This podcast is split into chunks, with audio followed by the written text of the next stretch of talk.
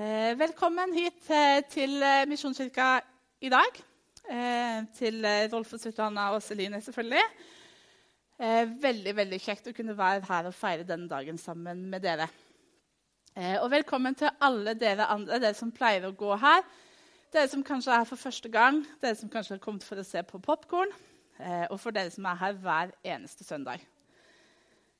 Og velkommen til dere som ikke er her, men som hører på podkast. Kjekt at du kommer innom og hører på. Jeg håper at dere har hatt en fin eh, påskeferie. Har dere det? Ja, det, noen på første benk de har hatt en kjempefin påskeferie. Eh, at det har vært noen dager der vi på en måte har fått lada batteriene og eh, slappet av med, med, venner og familie. Eh, og at det har vært tid for høytid. Eh, kunne, måte, at det har vært lett og, og, naturlig å ha fokus på Jesus og på det påsken handler om. Eh, Jesus, eh, hvem Jesus er, og hva han har gjort. Og At ikke påsken bare blir en sånn happening som på en måte, nå har vi gjort det for i år, kryss i boka, men at fortellingen om påske er på noe vi kan ta med oss inn i hverdagen. Eh, hver eneste dag, ikke bare den uka mellom palmesøndag og første påskedag. Og eh, fortellingen om påske, eh, Jesus døde oppstandelse, skal vi få lov til å ta med oss nå inn i eh, den tiden som vi går inn i nå, som ligger mellom påske og pinse eh, som kirkeåret kaller for påsketiden. Og da må vi bare leve med at vi tenker at påsketiden er når vi faktisk feirer påske, mens det tenker vi ikke de som har lagt kirkeårets teksttrekke. eh, og vi skal i den perioden eh, ha en taleserie som vi har valgt å kalle for Kirken min.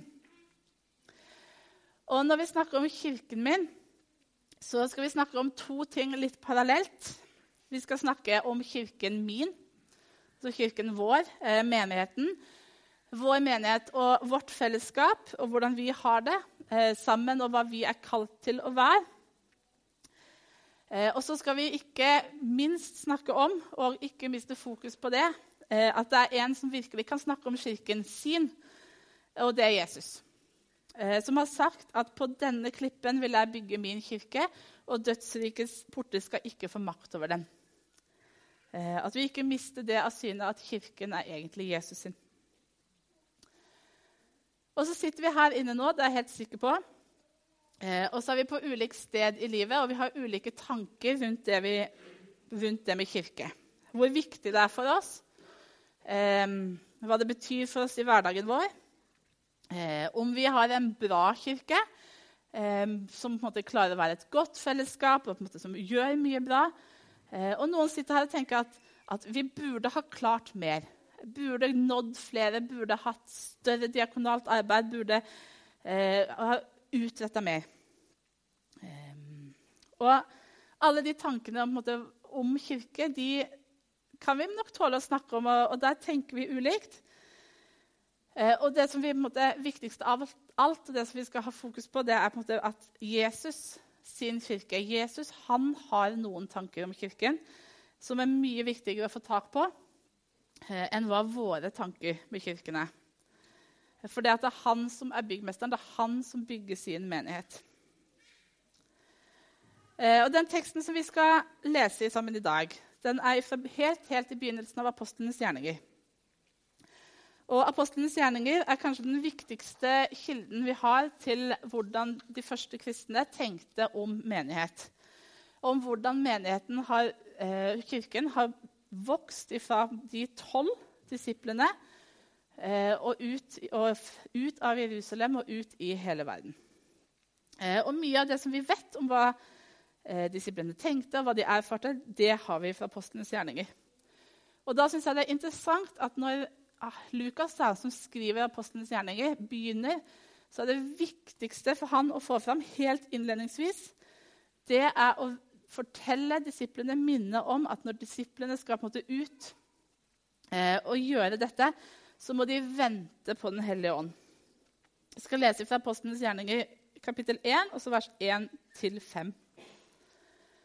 I min første bok, gode Theofilos, skrev om alt det Jesus gjorde og lærte fra han begynte, og helt til den dagen han ble tatt opp til himmelen. Da hadde han ved Den hellige ånd gitt sine befalinger til de apostlene han hadde utvalgt. Etter å ha lidd døden sto han levende fram for dem med mange klare bevis på at han levde. I 40 dager viste han seg for dem og talte om det som hører Guds rike til. En gang han spiste sammen med dem, påla han dem dette.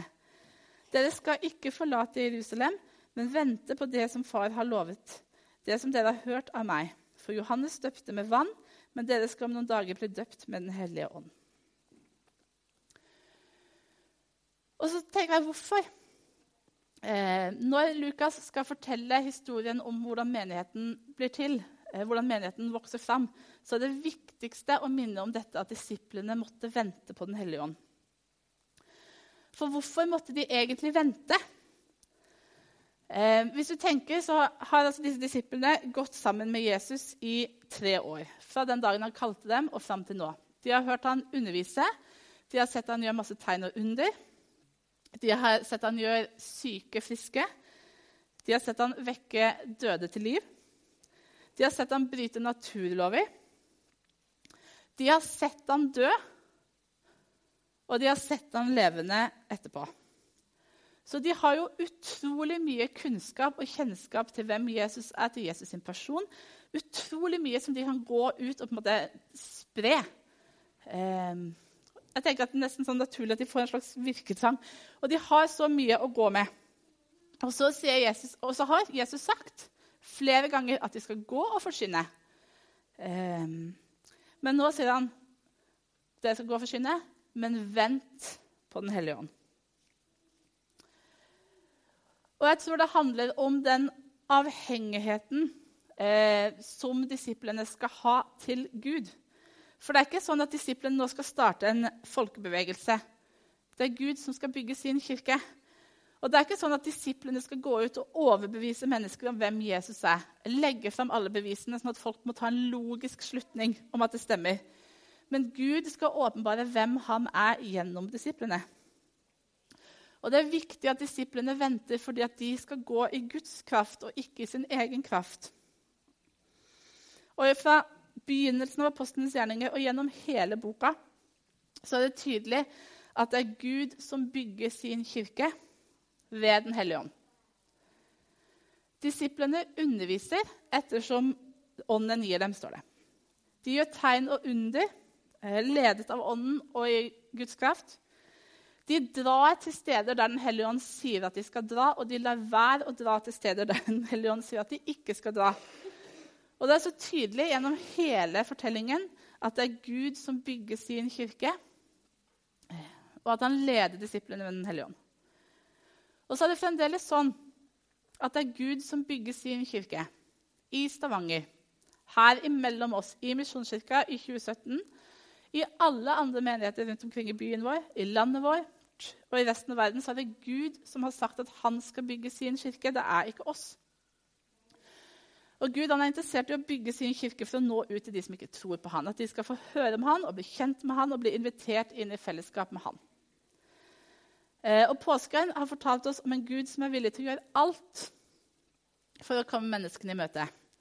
Som inkludert å bli menneske og lide og dø istedenfor oss.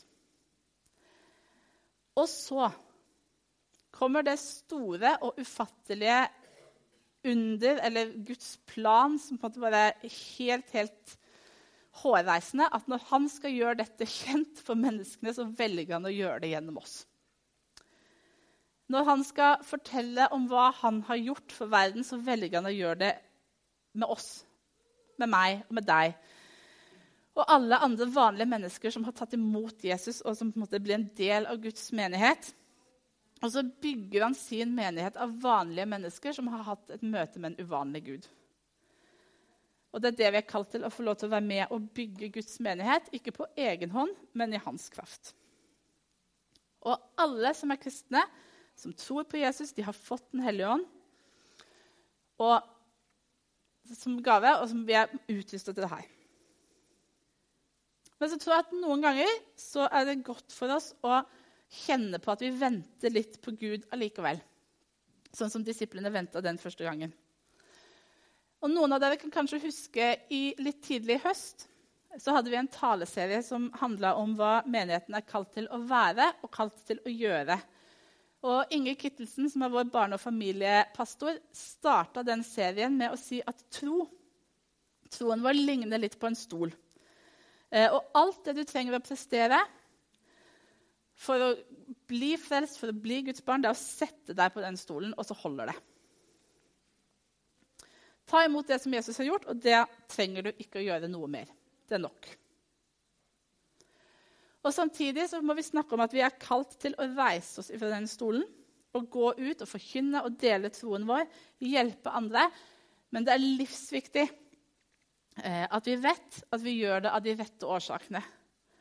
At det ikke er noe vi trenger å gjøre for å bli frelst, for at Gud skal like oss, for at Gud skal elske oss, for at vi skal fortjene nåden, men at vi gjør det som et gjensvar på det Gud allerede har gjort for oss. For å sette det på spissen eller ikke så veldig på spissen engang, så er det sånn at hvis du setter deg på stolen, du tar imot, og du sitter på stolen, og du aldri, aldri reiser deg, så holder det. Men jeg tror at når du har sittet på stolen på en måte vært i en relasjon med Gud en stund, så får du lyst til å reise deg. Du har lyst til å gi et gjensvar. Og da reiser vi oss av de rette grunnene. Og så tror jeg det er sånn at Vi har behov for å stadig vekk komme tilbake og sette oss og ta vare på og pleie den relasjonen med Gud. For Vi trenger å vente på Gud for å bli klar til å gå dit som Gud vil ha oss. Og så trenger vi å vente på Gud for å bli klar over hvor Gud vil ha oss. I andre Mosebok så er det en fortelling om Moses og folket som er ute og går på en litt lang fottur i ørkenen.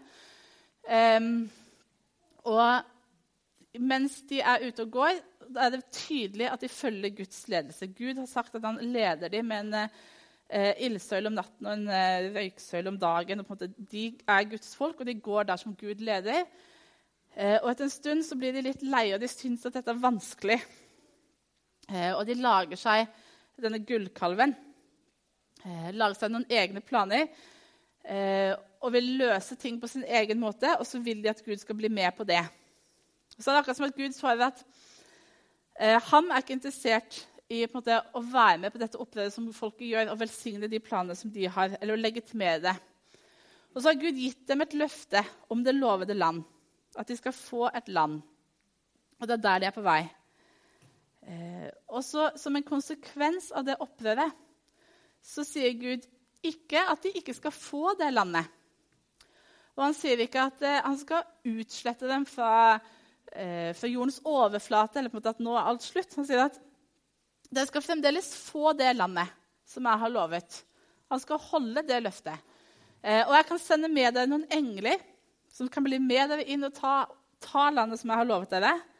Eh, men jeg vil ikke gå med, sier Gud. Og så tror jeg at Noen ganger kan vi ende opp litt på feil sted som mennesker. Både som enkeltpersoner og som menighet i forhold til hva Gud vil. Og Noen ganger så tror jeg det handler om at vi bevisst velger å gjøre noe som vi tenker ikke er Guds vilje. Um, og veldig mange ganger så tror jeg det handler om at vi har de aller, aller beste intensjoner, og vi vil så gjerne gjøre det som er riktig, og vi vil um, bygge en fin menighet, da, for å si det. Uh, vil på en måte få dette til. Uh, og så ender vi opp med å løpe litt i forveien for Gud uh, og lage våre egne planer. Og så ber vi Gud om å komme og velsigne det som vi har tenkt, og det som vi har planlagt, istedenfor å vente på Gud og høre hva han har tenkt og hva han har planlagt, og så gå dit. Og Problemet med det er at da ender det opp med at det er vi som bygger kirke. Det er vi som bygger menighet, og ikke Gud. Og i det så tror jeg at vi mister den relasjonen og den nærheten til Gud som vi som menighet er kalt til å ha. Eh, og så tror jeg vi forstrekker oss og vi blir slitne og vi kjenner på en måte at vi tar av vår egen kraft istedenfor å gå med Guds kraft. Og så blir vi slitne og frustrerte.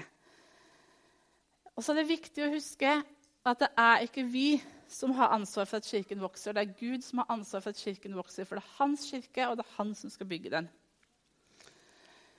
Og når folket i Israelsfolket i ørkenen er i den situasjonen at Gud sier at dere kan gå og dere skal få det som dere vil, men jeg blir ikke med, så blir Moses, som leder folket, fortvila. Så går han til Gud og så sier han, hvis ikke ditt ansikt går med, så må du ikke føre oss opp herifra. Hvis ikke du blir med oss, Gud, så har ikke vi lyst til å gå herifra heller. Fordi at han vet, og han har forstått det, at det viktigste er relasjonen med Gud. Det er det det handler om. Eh, og det er fordi at Guds ansikt og Guds nærvær i Det gamle testamentet er så nært knytta sammen. Så når Gud sier at hans ansikt ikke skal gå med, så betyr det det samme som at han ikke går med. Så Moses er redd for å miste den relasjonen til Gud. Og jeg tror at vi vil løsrive oss noen ganger fra Gud, fra den relasjonen, i jaget etter å gjøre de riktige tingene og de viktige tingene. Eh, og så mister vi Gud litt av synet. Og I menighetssammenheng så tror jeg at det ofte handler om at vi blir så opptatt av å bygge menighet, skape gode strukturer, ha aktiviteter, eh, at vi har et kjempebra barnearbeid, et kjempebra ungdomsarbeid. Eh, og stort diakonalt arbeid, at vi eh, gjør noe, at vi betyr noe for byen vår. Og så tror jeg at Det er veldig veldig viktig, og de tingene skal vi absolutt bruke tid på. Men det må ikke gå på bekostningen av det som er aller, aller viktigst, nemlig relasjonen med Gud.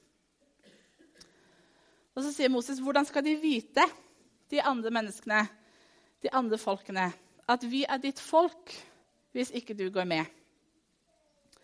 For det som definerte Israel som Guds folk, var nettopp at Gud gikk med dem.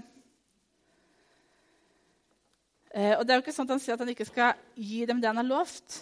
Det er bare at han ikke går med. Men Moses han vet at det er det relasjonen det handler om. Det er det de trenger. De er nødt til å gå sammen med Gud. De må vente på han. Og jeg håper at vi kan være en sånn menighet eh, som har grepet det. At det viktige er at vi har relasjonen til Gud.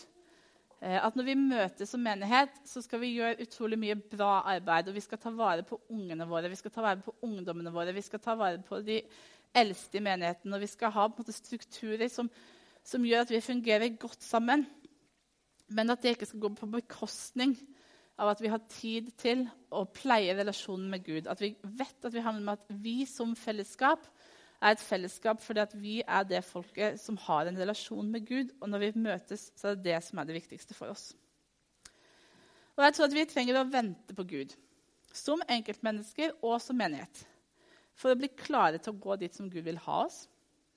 Og så trenger vi å vente på Gud for å bli klar over hvor Gud vil ha oss. Vi trenger å vente på Gud og på å bli leda av Den hellige ånd for å vite at vi kommer dit som vi skal være, både i relasjon til Gud og i det som vi gjør som menighet. Og vi skal be sammen. Og da vil jeg at vi skal gjøre noe som vi ikke vanligvis pleier å gjøre, men vi skal bruke litt tid på det. For jeg tror at noen av oss eh, trenger kanskje å eh, få tid til å pleie den relasjonen med Gud. Sette seg ned på stolen, billedlig talt, eh, og ta imot av det som Gud har gjort for deg eh, pleierelasjon med Gud. Eh, og noen av oss trenger kanskje å høre med Gud hvor vil du ha meg. Hva har du gjort meg klart for? Hva skal jeg gå inn i? Eh, sånn at vi har satt litt tid nå som vi kan bruke i bønn og i tilbedelse. Eh, lovsangerne kommer opp igjen.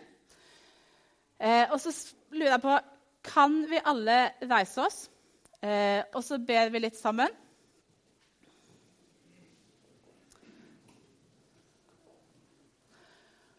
Og så synger vi litt og ber litt. Det er forberedet her foran hvis du har lyst til at noen skal snakke med deg og, og be med deg. Og så bruker vi den tiden sammen med Gud nå. Spør eh, hvordan er min relasjon med deg, Gud. Er det noe jeg trenger å gjøre? Eh, og hvis du ikke går med, så vil ikke jeg gå heller. Skal vi be. Kjære Jesus, jeg har lyst til å takke deg for at eh, du bygger din menighet. Eh, og du inviterer oss til å være med. Og Jeg ber Jesus om at du skal komme her nå eh, med din ånd og gjøre ditt verk blant oss. Jeg ber om at du skal komme til hver enkelt og tale til oss. Eh, møte oss der som vi er. La oss få et nytt møte med deg. Og Noen av oss trenger kanskje å høre at, at du elsker oss uansett. Eh, noen av oss trenger kanskje å høre at, eh, at, det er noe i livet vårt som vi må endre på, legge vekk, eh, for å komme tettere inn på den relasjonen som vi har med deg. Og noen av oss trenger kanskje å høre at eh, nå har vi kanskje sittet her lenge nok. Nå er det på tide at vi reiser oss og går. Men jeg syns jeg takker deg for at dette vet du. Og jeg inviterer deg til å komme hit og gjøre ditt verk iblant oss nå. Kom, Jesus. Amen.